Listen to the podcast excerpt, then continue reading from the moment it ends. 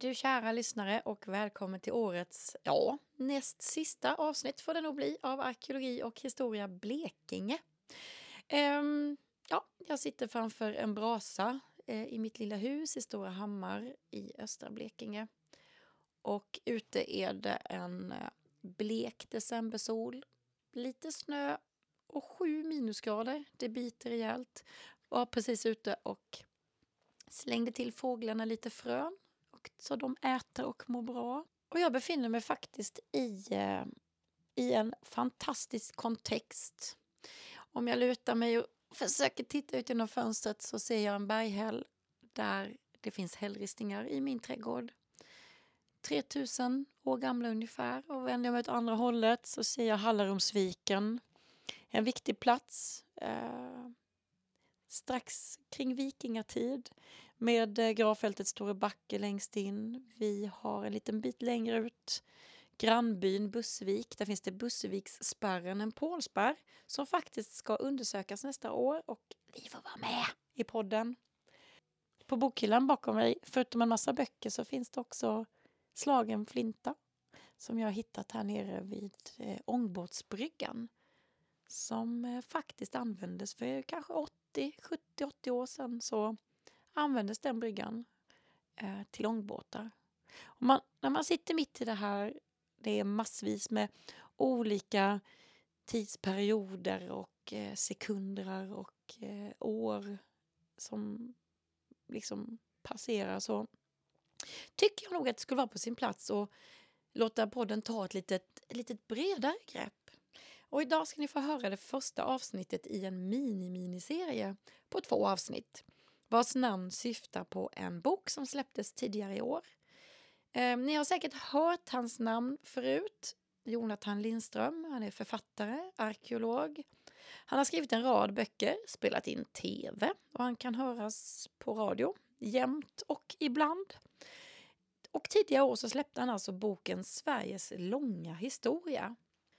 Och när jag fick den i mina händer någon gång i våras här så kände jag att nah, det här är en författare som jag verkligen vill ha med i podden. Um, så tidigare i höstas, för en och en halv månad sedan ungefär, så åkte jag upp till Stockholm för att träffa honom och prata om hans ett kilo tunga bok om vår lands historia. Och det ska vi göra nu, lämna Blekinge lite för att ta ett större grepp om vår tidigaste historia. Hur började egentligen Sveriges historia? Vad säger den senaste forskningen? Det ska vi strax få höra. Och som vanligt så görs podden i samarbete med och med bidrag från Länsstyrelsen i Blekinge. Så, på tåget mot Stockholm och det första avsnittet med arkeologen och författaren Jonathan Lindström och Sveriges långa historia.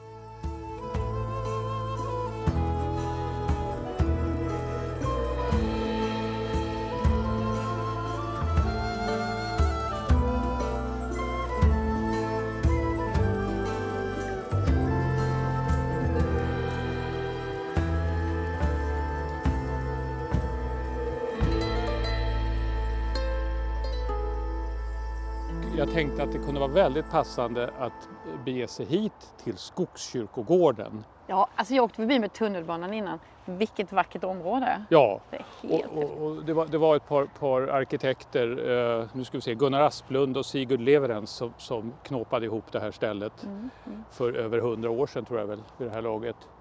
Och det är så ofantligt vackert och fint att ströva i. Och eh, det är också det här att, att jag har en hel del släkt här också.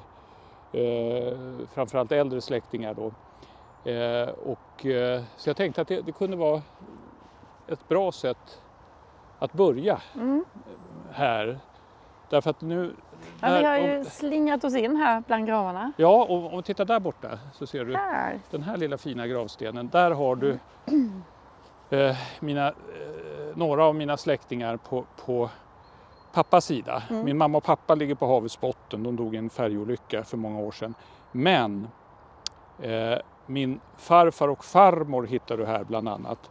Och eh, det är så att på den sidan släkten så, så, så kom de från Ormsö i Estland som var, var svenskbygder, ungefär som finlandssvenskarna så ah, fanns det ah, estlandssvenskar. Okay, okay, Fattig, ja. Fattiga fiskarbönder som levde väldigt hårt. Och tyvärr var det ju så att Baltikum var har varit historiskt då någonting av, av norra Europas svar på, på Mellanöstern. Att det finns mm. hela tiden konflikter mellan stormakter, Tyskland och Ryssland och så vidare. Ja. Och Frankrike också på Napoleonkrigen och alltihopa. Så det var inte särskilt eh, lugnt där. Först rymde farbror Lasse och, och pappa Olle mm. rymde i en liten flyktbåt då över till Sverige då 1943 och sen så kom resten av familjen efter.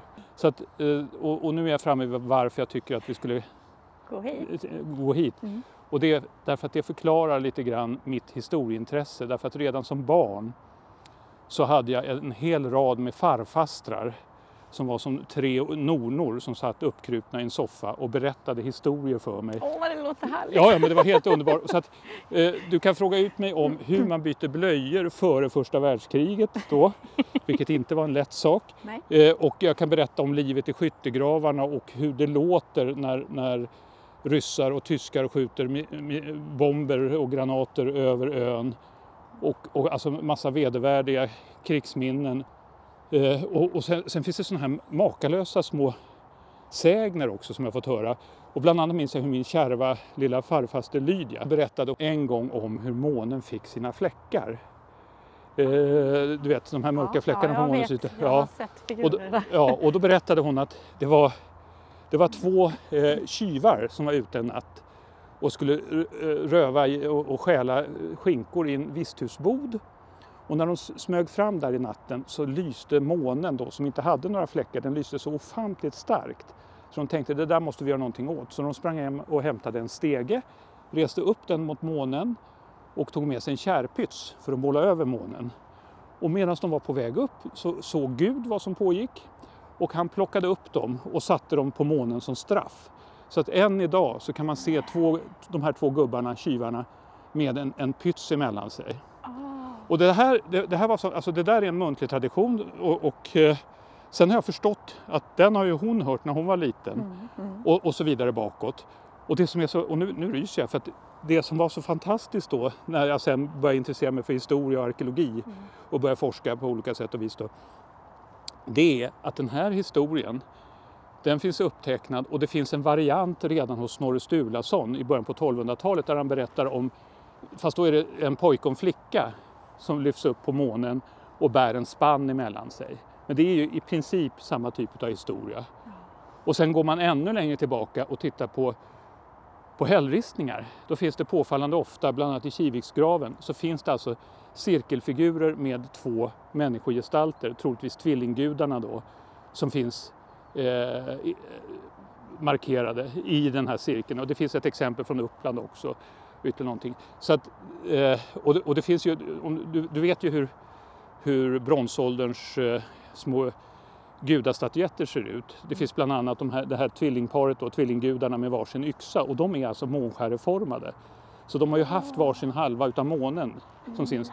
Så att, eh, man kan ju aldrig veta. Nej. Men det, det, det, det, är en sån överensstämmelse. Det kan mycket väl vara så att Lydia muntligen har berättat någonting för mig som eh, hon har hört då och som har berättats i generationer och som går tillbaka åtminstone tillbaka till bronsåldern. Mm. Och sen har den förändrats och varit olika varianter utav den. Och i och med att jag berättar det här för dig så ingår du i den här muntliga traditionen.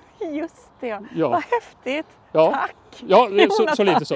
Ja, ja. Och, det ska säga, och, och, det där, så att just den här exotiska släktbakgrunden som jag har då med, med, med flyktingfamiljen då från, från, andra världskriget och den annorlunda värld som de levde i och, och, och Alltså jag har lärt mig, alltså på skrivbordsnivå då helt och hållet då, men jag har lärt mig hur, hur man sköter jordbruk, hur man tvinnar rep. Alltså de har berättat om precis allting och jag var fullständigt insnöad på det. Jag förlorade min ungdom i detta och mycket av min barndom.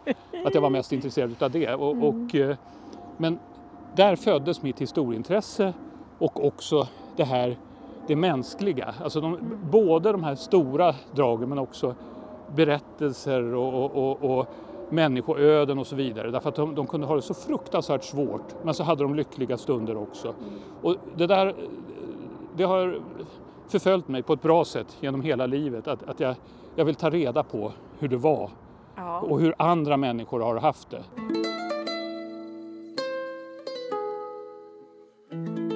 Jag eh, hör av mig till dig för att jag tänkte jag måste få träffa den mannen. Jag såg att du hade varit i Sölvesborg och hållit ett föredrag Eh, och framförallt att du har skrivit en bok. En, en ganska tjock bok. Ja, ett Mm. kilo. Ett kilo. Jag har den i Ja. min ryggsäck. Det börjar bli tungt. Ja. Ja.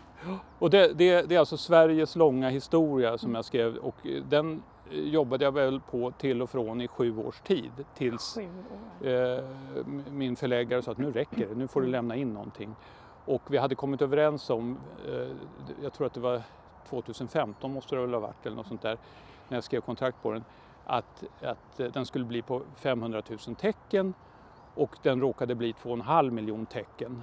Så att det, det du ser där, eh, eller det du har i ryggsäcken, det är alltså en otroligt nedbantad version. Det är en 40 procent utav boken, så att den kunde ha varit ännu tjockare. Just.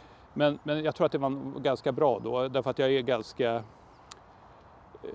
jag tar upp ganska stor plats när jag pratar och när jag, när jag skriver så att, att det är väldigt bra att st- stryka ner och Ja. strama till det. Och jag, jag är själv väldigt nöjd att de tvingade mig göra det därför att det gjorde också att jag, jag fick en stringens i, i, i den övergripande berättelsen, hur, Sveriges historia då.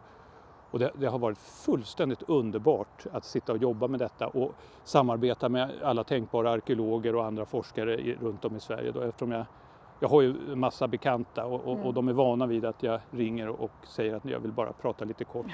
Och sen kan det bli ganska långt. Då. Så, att, så att det, det, det är liksom top notch forskning och ändå har jag missat detaljer och sånt där så jag, det går säkert att fylla på. Men, men det känns som att jag har kunnat smälta på ett övergripande sätt all den här fantastiska forskning som pågår. Och så, alltså det, det är ju som en revolution nu de senaste 10, 20, 30 åren alltså när det gäller allt vad vi vet idag. Ja, alltså jag har ju startat den här podden för att jag ska tycka att, att våra kulturmiljöer och vår kultur och, och forntid och historia är viktig. Eh, och göra det lite lättillgängligt med människor. Du har ju verkligen tagit ett jättegrepp och det är därför jag känner att jag, jag måste träffa dig. För själv åker jag bara till ett Röse eller så med någon, någon arkeolog. Det där att, att få hela eh, helikopterperspektivet. Är det det jag tänkte att, att man kanske kunde få av dig? Få, Ja. få lite här med sig i podden hur det var de första svenskarna och lite hur det har gått vidare. Sen kan vi inte gå ner på allt förstås. Nej, Men- nej, nej, nej men, men det, att- som att, sagt, eh, det är att ett den- kilo radio tror jag, eller vad heter det? Podd. Det kan bli lite tungt. Ja, Ja. eh, ja men vill, vill du eh, ska, ska jag berätta om, om Sverige som helhet eller ska vi fokusera på Blekinge? Hur, hur vill du? Alltså, Blekinge är ju bara en del av historien så att det, jag tycker det är kul om, om vi kan få eh, lite roliga saker, platser eller så som sticker ut. Men i övrigt så har jag nog tänkt att, att få historien om Sverige lite. Hur började det? När försvann isen och sen fram Ja. till hur långt vi nu hinner. Ja, jo, nej, men då, ja, nej, men, eh, gärna det. Och, och...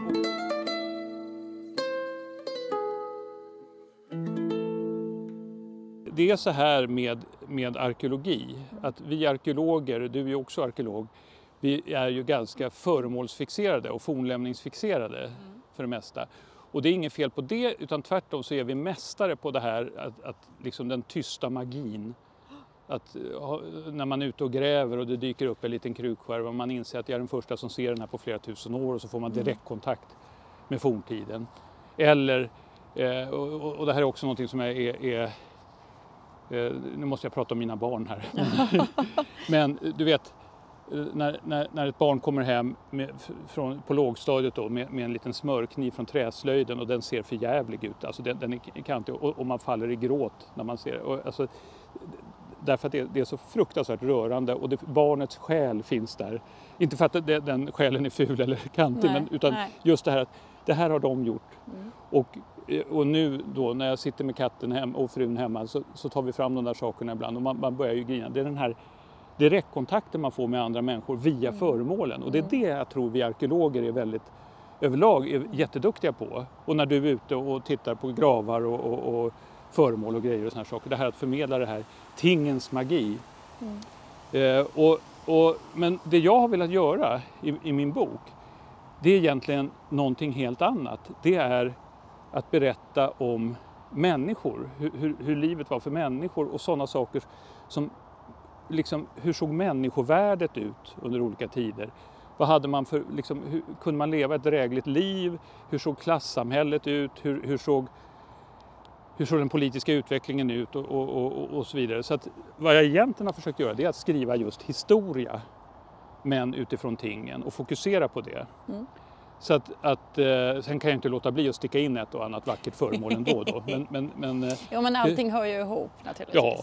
och, då, och då blir det också, och då blir det också en, en sak att ta itu med de fördomar vi har om Därför att vi, man kommer aldrig ifrån det. Alltså att, att man har förutfattade meningar. Dels så enkelt som att, att eh, om man inte har läst arkeologi eller intresserar sig för arkeologi då, då har man ju eh, kanske tre delar Barna Hedenhös, tre delar familjen Flinta. Nu pratar jag om folk i min ålder här. Ja. Eh, och, och, eh, och lite, ja, lite Hollywoodfilmer och annat som, som, som skakar om och, och Grottbjörnens folk ska vi slänga in också. Ja. Att det, Den, att det, ja. blir, ja, Mm, att det, mm. det är ju så man bygger upp sin världsbild.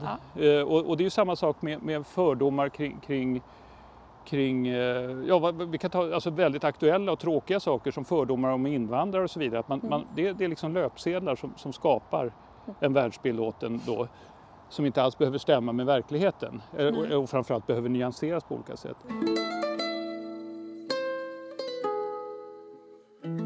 Det första här då, om, om vi går till, till hur isen försvinner. Mm. Och nu går jag inte in på isens, bak, liksom vilka årtal som den försvann därför att det, det, det, det kan ni titta i boken och det, det, det hör till klassisk arkeologisk bakgrund. Utan Ja. vi, vi befinner oss alltså uppemot 14 000 år tillbaka i tiden. Mm. Mm.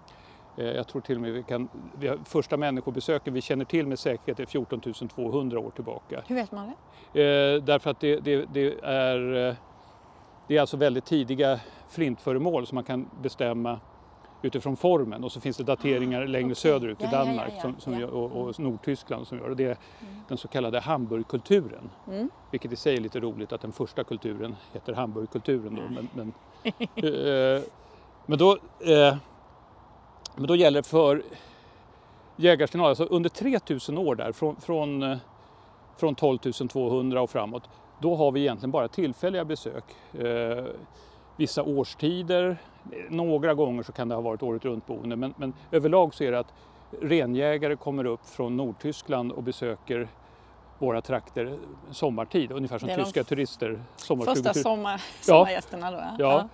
och, och, eh, och det är också för övrigt eh, under den här fasen så, så mot slutet åtminstone så, så verkar de besöka Blekinge också. Mm. Grejen är att, att på den här tiden så har vi ju Baltiska issjön, isen har smält undan och då har vi en stor ett söt, en sötvattensjö. Den, den Baltiska issjön och det betyder att den är väldigt näringsfattig. Det finns eh, eh, fisk och det finns eh, eventuellt också sälar tror jag från nordtyska floder som simmar ut och tittar vad som pågår Okej, i ja. norr och så vidare. Men det är ingen bra försörjningsmiljö helt enkelt. Därför att Men om, om jag får fråga, om man har kartan framför sig, hur, hur ser det ut? Alltså vad finns och vad finns inte i södra Sverige? eh, ja, problemet är att det där varierar oavbrutet med landhöjningen Just och, och, och så hela då. Sverige Mm. tippar. Så att, Ja.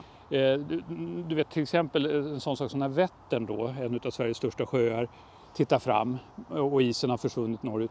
Så är det så att i, vad heter det, landet reser sig snabbare i norr än i söder så att Vättern har runnit söderut genom hela historien ända fram till idag. Så att utanför Jönköping som ligger precis där i nederkanten utav Vättern, då, södra kanten, så ligger alltså eh, bronsåldersrösen under vattenytan. Eh, och det finns Eh, ännu längre ut så finns det alltså, jag jag känner en, en kille som har dykt här och som har alltså sett, om jag minns rätt, då, vildsvinsskalle och, och stenavslag och grejer efter stenåldersboplatser som, som ligger där Nej, ute. på- men det visste inte jag. Ja, nej men det, det är... eh, och du har ju ute i Hanöbukten inte så långt från Mm, Blekinge fast det längre ner där. Där det. har du ju också skogar och annat Ja, som, som har där- vuxit. Ja. var ju, Så, att, så att ja. det, det, det pågår hela tiden förändringar. Så att, Och det går ganska snabbt under vissa perioder va? Ja, Ja. det kan vara liksom en förändring på 20 meter i nivå i samband med att Östersjön tappas av och sådana där saker. Mm, mm. Så att, det är fullständigt orimligt att hålla reda på allt det där. Jag fattar det! utan, utan, utan, utan vad man kan säga är att tänk dig det är ungefär som nu Mm. fast lite fram och tillbaka.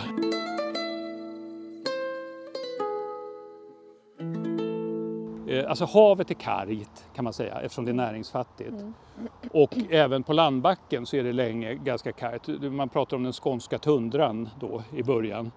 Och, och, eh, det fanns ju mammutar här eh, alldeles i början också men de mm. försvann och det finns inga tecken på interaktion mellan mammutar och människor. Så vi vet inte om man jagade mammut eller om Nej. de bara såg dem på väldigt långt håll och fascinerades av det då när de promenerade och trumpetade vid horisonten. Oh. Eller där. Ja.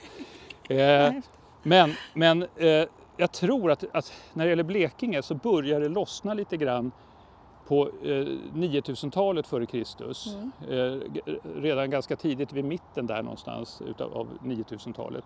Vi är alltså 11 500 år tillbaka ungefär i den stilen. Mm. Eh, men på allvar så börjar man besöka Blekinge årstidsvis från 9200 f.Kr. Och det där är ett magiskt datum. Därför att då, då flyttar människor in till Sverige. Ja. Och framförallt kusterna. Och de flyttar upp längs västkusten. De första göteborgarna har isbjörnar som sällskap i Göteborgs förorter. Och sen eh, eh så fortsätter de upp längs Norges kust och hela vägen upp till Nordnorge. Så då finns det människor överallt. Mm. Och, det här är, eh, och de här människorna de tar sig också upp, eh, läng, eh, fast i mindre omfattning, upp längs, fr från Tyskland då kan man säga, via Skåne, Skånes kuster upp till, till Blekinge. Mm. Så där har du de första, sent 9000-tal före Kristus. Och, och, då är de på säsongsbesök och man kan se att de har plockat med sig flinta från från Skånetrakten då, där, där det finns mer rikligt utav det. Och det är det som gör att man kan se varifrån de har kommit också. Så där har du liksom Blekinges första lilla darrande historia och då är det familjer som kommer upp, kanske ett par, tre familjer som bor i hyddor. Och, och väldigt ofta så rör det sig om 10 kvadrat.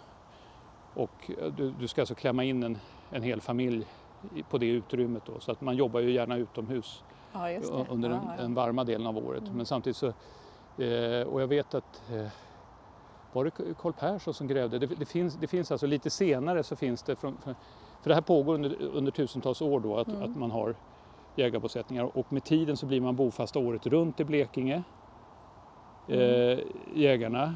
Eh, och, eh, är, är, vi vid Ljungaviken nu? Ja, ja, ja och, och, och det är då, alltså, jag har så fruktansvärt svårt för att lära mig Blekinges ortnamn. Ja. Ljungaviken, ja. det är den eh, med hunden, 8400. Just det, och de här rejäla, där har du lite större byggnader som man kan ja, betrakta som fiskarstugor mm, egentligen då. Mm, mm. Och en hel liten by där då. Men de, de var säljägare också framförallt? Va? Ja, ja de, säljakt och fiske och annat mm. och, och, jakt på land också. Mm, alltså, så, mm. så, att det, det, man tog allting som fanns. Och det är väldigt viktigt att komma ihåg att det här är en utveckling som sker under tusentals år. Att 9000 f.Kr. lite drygt, mm. då har man tillfälliga besök. På 8000-talet då sker det en sorts eh, kolonisation så att alla tänkbara platser blir, blir eh, bebodda säsongsvis eller åtminstone. Gotland är fortfarande kvar där ute i havet och besöks bara tillfälligt. Det är först från 7200. Men det är ändå helt sjukt. Tänk att man tog sig ut till Gotland. Ja, ja, ja, ja. Och nu står man på den färjan ihop med 200 bilar. Liksom. Ja, jo, och nej, tänker, men... Åh, tänk om de seglar här. De ja. ja, och då kan jag berätta för dig att troligtvis så var det så att de mm. första gotlänningarna, alltså det, det man kan se är att redan på 7000-talet före Kristus så börjar det bli lite trångt. Alltså mm. Inte trångt i den bemärkelse som vi tänker idag utan för ett jägarsamhälle och fiskarsamhälle så är det ganska trångt. Och då, kan man, då är det här att, att folk riskerar livet och flyttar med familjer och alltihopa, några hundra stycken flyttar ut till Gotland, mm. 7200 ungefär. Det beror på att det är svårt att försörja sig i Skåne. Och då, eh, de mest tättbefolkade områdena. Och, och, eh, så det är någonting på gång där då. Och då hör det till saken att sjöarna börjar växa igen och bli övergödda så att fisket är inte lika bra. Det, utan det fanns en lång vad, fas. Vet man vad det beror på då? Ja, det är bara bättre och bättre klimat och mer och mer växtlighet och sådana okay. saker. Så mm. det, det liksom ingår i en sjös liv. Mm. Att den börjar steril och naken och sen så blir det mer och mer ah, ja, ja. omsättning, livsomsättning och så kan det finnas en optimal period när det är jättemycket fisk och, mm. och lagom mycket näring. Men sen blir den övergödd till slut. Så man pratar om att Maglemosekulturen då, som, som hänger ihop med det här och som mm. finns i hela södra Skandinavien, den, den eh, får svårigheter då, det levnadssättet. Och det, det roliga är att Blekinge utmärker sig på det sättet att i, på ett ställe som heter Sunnansund i Norge, Mm. det är väl västra Utan- Blekinge, Precis, ja, utanför Sölvesborg. Ja. Ja. Där har arkeologerna hittat en surmörtsfabrik kan vi säga. Just det. Ja, eller anläggning, Ja. fast det låter lite tråkigare. Men, men grejen är där Mm. att, att om vi först tar det lite tekniska så är det alltså gropar vid stranden Mm. som man har, man har bäddat med, med eh, jag tror det är vildsvinspälsar bland annat, eller, eller skinn ska jag säga. Och sen har man täckt över, men de har man fyllt med framförallt mört Mm. som man har fiskat. Och så har man låtit dem ligga där och jäsa. Eh, Och alltså- sälfett också använder man va? Istället Ja, ja, det är möjligt. Ja, Mm. ja. Mm. Eh, alltså Ja, funkar. modern syn på lite äckliga grejer helt enkelt. Och så låter man det jäsa och det här Ja. gör att de fermenteras, det vill säga de syras och blir konserverade Mm. kan man säga. Förutom att de blir, det går att äta dem direkt därför att de är så pass nedbrytna och även, även de, deras Mm. små tunna små skelett blir, blir eh, ätbara. Det, det går att tugga sönder och så vidare. Så att det här för, alltså förutom att man kan liksom tycka fantastiskt, vi har alltså motsvarigheten till surströmming, det var Blekingeborna, norrlänningar slänger i väggen, utan vi var först ute.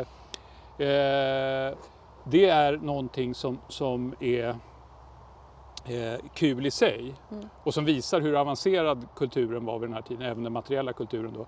Men det är också ett tecken på det här att folk bor trängre och trängre Mm. och att man måste utnyttja saker. Och ska man bo året runt så får man eh, syra mat och konservera mat och lägga upp lager. Alltså det är nästan som bondeekonomi på det sättet. Då.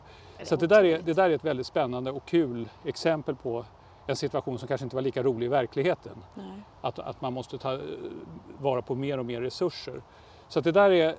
Eh, Medan skåningarna de var så desperata så att de flyttade till Gotland så har Blekingeborna varit så desperata så att de har börjat käka surfisk. Alltså.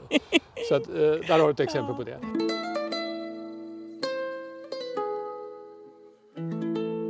Ja. Ja. Vad får när du säger att det blir mycket folk? Hur mycket, vad pratar vi? Oh, eh, jag, alltså, jag vet att jag satt och räknade på det där då utifrån eh, Alltså, nu pratar vi om Sverige, eh, som det moderna Sveriges yta och hur många som rymdes där under olika perioder. Och då måste man jämföra med etnografiska data och ta reda på vilka områden som är bebyggda och, och man bor tätare vid kusterna och så det. vidare. Ja. Och det jag kom fram till var väl att det, det kanske jag drar till med 10 000 pers i hela Sverige eller 20 000. Det, det var någonting sånt där. Det, det har gått upp och ner nämligen hela tiden. Usch Men det, vad tätt. Ja, ja, absolut. Men det var alltså en, en, en från då tillfälliga besök under 3000 år Mm. så får du från 9200 så är det då inflyttning och en snabbt växande kurva som, som slår i taket kring 8000, 7500 någonstans där då. Mm. Så att, eh, och det det är då man börjar med de här lite mera intensiva utnyttjandena. Och sen har du ju då eh, köldkatastrofer och grejer som kommer på 6000-talet, i slutet av 6000-talet. Och där, om jag minns rätt nu, jag tror jag pratade med Carl Persson om det, en arkeolog. Han berättade för mig om en fantastisk eh, hyddlämning. Där kan man se att det måste ha varit väldigt, väldigt kallt för man har suttit inomhus i rökig miljö och sotig miljö och slagit flinta och sådana saker, vilket man borde göra i, i dagsljus egentligen. Så det. det känns som att det här var en tuff vinter och den kan ha ingått i den här perioden då. Eh, där kan man tänka sig en viss befolkningsminskning också, att, att det gick inte att leva så gott där då. Men sen i slutet utav, av eh, jägarstenåldern och då är vi framme i, i början av 5000-talet då det har skett en, en, eh, en inströmning utav saltvatten i Östersjön så att du får ett mycket rikare djurliv. Då exploderar kustkulturerna och det blir ännu mer trängre och du kan se att det blir ökad aktivitet längs Sveriges alla kuster. Uppe i Norrland börjar man knacka in en massa hällristningar nere vid kusterna. Det vill säga man har stora samlingsplatser och det finns stora fiskarbyar längs Sydskandinaviens kuster och eh, det dyker upp gravfält för första gången i större omfattning och det har att göra med att eh, alltså både hällristningarna och gravarna, de har ju en massa religiösa motiv då, men det finns också ett behov av att markera revir. Mm. Gravar är ett bra exempel på det, att, att här bor vi och våra släktingar sedan många generationer och så vidare. Mm. Så att det blir intensivare och så finns det såna här li- lite larviga grejer som, som eh, hjorthornsyxor och annat, alltså att de har statusföremål, symboliska föremål som de viftar med. Så det handlar om sociala relationer, att vi, om vi pratar om kulturen nu, Ja. vad är det för... Ja, ärtebölle brukar man prata om i, i, i dina trakter då, från Blekinge och neråt i södra Sverige då, sydligaste Sverige då, Skåne. Mm. Så att, eh, och så småningom så börjar man med keramik där också. Det har man ju hållit på med uppe i, i, i Finland och i nordligaste Sverige sedan länge då, kamkeramiken och så vidare. Eh, Men, men här dyker det upp först nu. Eh, Så att då får du tänka dig att, att det, det, bör, det, det under de här tiderna så är, är det här med hur tätt folk bor och sånt där, det har betydelse för hur samhället ser ut. Och du hittar också exempel, i och med att du hittar gravfält, så hittar du också exempel på, på eh, människor som har, har råkat ut för våld på olika sätt. Alltså det tidigaste exemplet vi har eh, säkrat, det första mordet i Sverige, det är en gotlänning som blev mördad 6550 f.Kr. Eh, och troligtvis därför att han kom, började mucka med några skånska säljägare som kom hela vägen till Gotland och så bråkade de om revir. Det, alltså det, är ett, det är en möjlighet att det var det som gjorde det. Men han blev rejält tilltufsad och dog helt enkelt. Och han blev både skjuten med pil och, och knackad i huvudet med yxa och så vidare, Stora Bjärsmannen. Eh, och eh, det finns all anledning att tro att även i Blekinge kunde det vara lite tufft ibland på det sättet. Och då ser man i, i gravfälten här från slu, slutet av äldre stenåldern att det finns många som har olika typer av skador. De har blivit skjutna eller, eller åkt på stryk och så vidare. Så att det där finns med hela tiden. Men det, det enda sympatiska, höll jag på att säga, fast det är fel ord i sammanhanget, det är att under jägarstenåldern så är, eh, så är skadorna alltså, man, man kan liksom räkna med att det handlar om att aggressivitet i stunden, att folk har brakat ihop eller, eller kommit till slagsmål och så vidare. Så att det finns en hög nivå av våldsamhet på det sättet. Mm. Det otäcka som händer sen med bondekulturen som kommer 4000 f.Kr. då i väldigt hög grad genom invandring då söderifrån. Det är att då börjar folk bete sig illa mot varandra på ett lugnt och metodiskt sätt. Man börjar med människooffer och sådana saker vid den tiden. Och det är, är mycket, mycket värre egentligen. Därför att då institutionaliseras det här att vissa människor bestämmer och är fullvärdiga människor. Andra kan hanteras som, som slavar och som, som krigsfångar och annat. Då.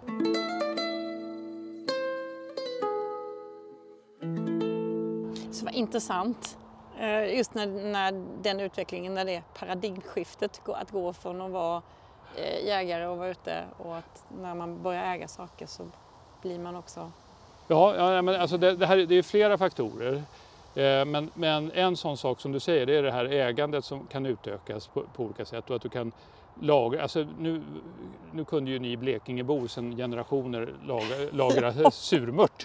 Men, Ja, ja, ja, och del annat. Men, men, men du får, du får eh, en ökad befolkningstäthet Mm. vilket gör att människor är liksom inom synhåll för varandra på ett annat sätt. Vilket gör att de kan, de kan liksom, Eh, på ett annat sätt börja förtrycka varandra eller, ha, ha regler för hur man ska umgås och så vidare på ett sätt som jägarna hade en större frihet på det sättet, att, att man var längre ifrån varandra under stora delar av året. Sen kunde man ju samlas vid vissa tillfällen.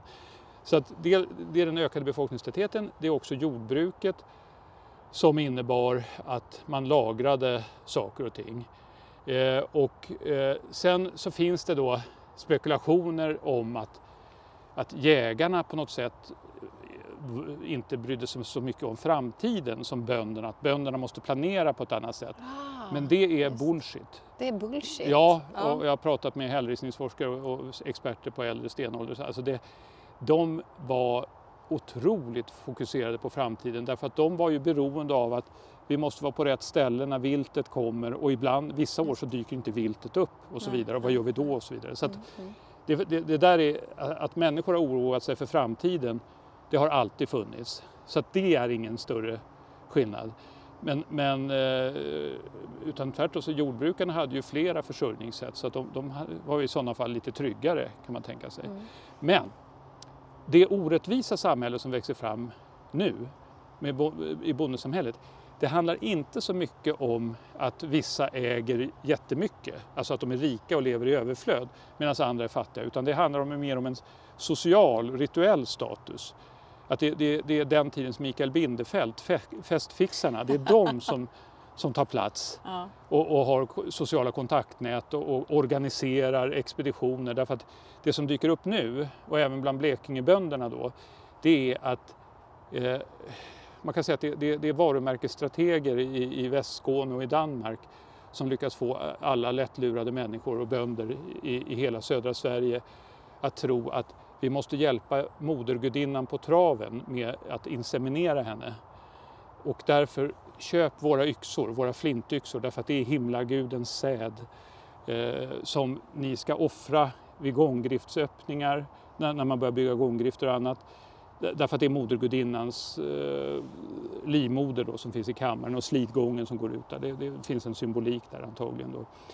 Eh, alltså det här är tolkningar som, Mm. som jag redovisar nu som man offrar där och man offrar i våtmarker, i sjöar och annat. Och det är ett sätt att, att eh, befrukta jordgudinnan och se till att man får under kommande år får fina skördar. Och det betyder i sin tur att du måste resa till, till eh, de här flintgruvedistrikten i Västskåne, Sallerup bland annat då, och, eh, och Danmark och det gör även Blekingebönderna. Och eh, på något sätt byta till i de här flintyxorna och sen bege det hemåt. Och det här är lätt gjort för de som bor i närheten. Relativt lätt för Blekingeborna också. Men för de som bor längre bort, som på Gotland till exempel, bönderna där, då krävs det att någon organiserar de här färderna och östgötarna samma sak. Och då kan man se på Öland, Gotland och i Östergötland, där finns det inte hur mycket sten... Alltså där kan man se att det finns vissa platser som måste varit en sorts hövdingagårdar Okay. där, eh, med, med eh, stenkammargravar och annat. Och det, det var där det fanns de som organiserade de här resorna. De behövdes. Så att, inte nog med att de var festfixare, de var dessutom resebyråagenter som såg till att få till de här resorna efter Flinta. Så det där gjorde att samhället då utvecklades. Och i grunden så fanns den här knäppa idén att man måste befrukta jorden med flinta. Eh, men det höll i sig i tusentals år det här sättet då. Och det här tycker jag är så fascinerande hur, hur människor kan få ha en idé. Ungefär som den här idiotiska idén med Sovjetunionen att, att, att eh, man hade vissa historiska faser som man måste gå igenom, bland annat proletariatets diktatur. Det vill säga att man ska skjuta ihjäl folk som inte gör som man säger för att skapa ett paradis. Alltså den här typen av grundläggande idéer som folk har, hur det påverkar livet praktiskt på olika sätt och vis och hur det uppkommer då samhällssystem, olika samhällssystem i olika delar utav Sverige. Och det där tycker jag är otroligt fascinerande. Alltså, har du någon teori om hur, alltså, vet man lite hur det har startat eller sådär? Ja men alltså det, det du hade ju eh, nu har ju eh, vad heter det, DNA-undersökningar då utav forntida DNA har ju visat att jordbrukskulturen fördes till Sverige genom, eh, till stor del genom invandring. Och de människorna kom bland annat ifrån eh, Tyskland och norra Frankrike. Någonting som kallas för Michelsbergskulturen. Därför att du hade, du hade alltså eh, jordbruket, nu drar jag det väldigt snabbt här, men Japp. jordbruket, eh, jordbruket uppstår borta i Anatolien, alltså det nuvarande Turkiet och, och söder därom. Eh, Och det förs in via Grekland och så sprider det sig upp i Europa, dels över, över kontinenten då, bandkeramisk kultur, som tar sig hela vägen upp till halva Tyskland och halva Polen. Men sen är det stopp. Det, alltså det blir bromsspår i marken nästan när de stannar till där. Eh, kanske 5000 före Kristus ungefär, 5500 före Kristus till och med. Orsaken är att det inre utav Europa är eh, ganska glesbefolkat därför att du har inga ekologiska brytzoner utan folk vill bo vid kusterna. Jägarna bor vid kusterna därför att de lever på fiske i första hand. Egentligen borde man kalla dem för fiskare istället för jägare. Eh, och det betyder att det är, för- det, är, det är för tjockt med folk i vägen. Och de har inget intresse av jordbruket därför att jordbruket är så annorlunda så att man lever separata liv väldigt länge. Men det som händer är att fram emot år 4000, eh, seklerna innan, så uppstår det en lite, lite sociala kriser och eh, förändringar i kulturen, i, i Michelsbergskulturen då, som, som jag berättade i Frankrike, Tyskland där, där man förenklar, går över mer till boskapsjordar och, och, och det blir liksom en enklare, mer praktisk kultur. Och de hamnar i kris, de brukar till exempel importera yxor från Alperna, jadeyxor. Och det här upphör och, och, och, och, och dessutom börjar det bli trångt där och då skickar de ut scouter kallar man det för då. eh, som, som alltså tar kontakt med jägarfolken i, i Danmark och i, i Västskåne framförallt då, till en början. Och, och eh, man upprättar relationer och man börjar flytta in stora grupper med kolonister. Det, det kan påminna lite grann om, om eh, inflyttningen till amerikanska östkusten där man, där man la beslag på utmark, eh, urinvånarnas utmarker och så vidare. Och det här har säkert varit fredligt ibland och krigiskt ibland, väldigt olika. Men bönderna vinner i längden därför att de skaffar fler barn och de brer ut sig på ett annat sätt. Då. Så att, och, och, sen så går jägarbefolkningarna upp i den här befolkningen också så småningom. Så det är på det sättet som, som jordbruket kommer till Sverige. Och så blir det en blandkultur också. Man kan se spår av både jägarkulturen och bondekulturen i, i föremålsformerna. Ja, Pilspetsar och annat och sådana mm. saker. Och de här första bönderna de älskar ju jakt därför att det är en statusgrej. Det är, det är jättetöntigt att gå runt och odla. Men eh, förutom, eh, alltså, förutom det här att, att dyrka jordgudinnan så ja. finns det ändå ett, ett litet behov av att, att uh, ha ihjäl djur. Mm. På olika, alltså förutom att man slaktar och så vidare. Och så har man hittat då stora samlingsplatser både i Skåne och uppe i Mälardalen från de första bönderna. Och då kan man se hur de kommer till kusten och man kan se inslag av säljakt och annat då, som, som visar att de... Så att man får inte överdriva, alltså det är stor skillnad men man får inte överdriva skillnaden nej, på alla nej. områden. Då. Så, och det var samma sak för Blekingeborna då.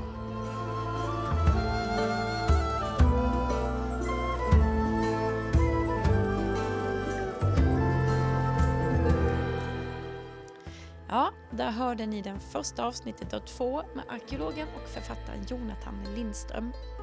Och om det nu är så att du blir lite sugen på hans bok Sveriges långa historia så finns den att köpa där böcker finns. Du, det är en perfekt julklapp. Den är både tung och hård och med närmare 700 sidor arkeologi och historia så kan inte julen bli bättre. Um, ja, nästa vecka så kommer avsnitt två och tillika sista avsnittet i podden för det här året. Och då ska vi ta oss vidare i vår tidigaste historia tillsammans med Jonathan Lindström. Och som vanligt, det här avsnittet gjordes i samarbete med Länsstyrelsen i Blekinge.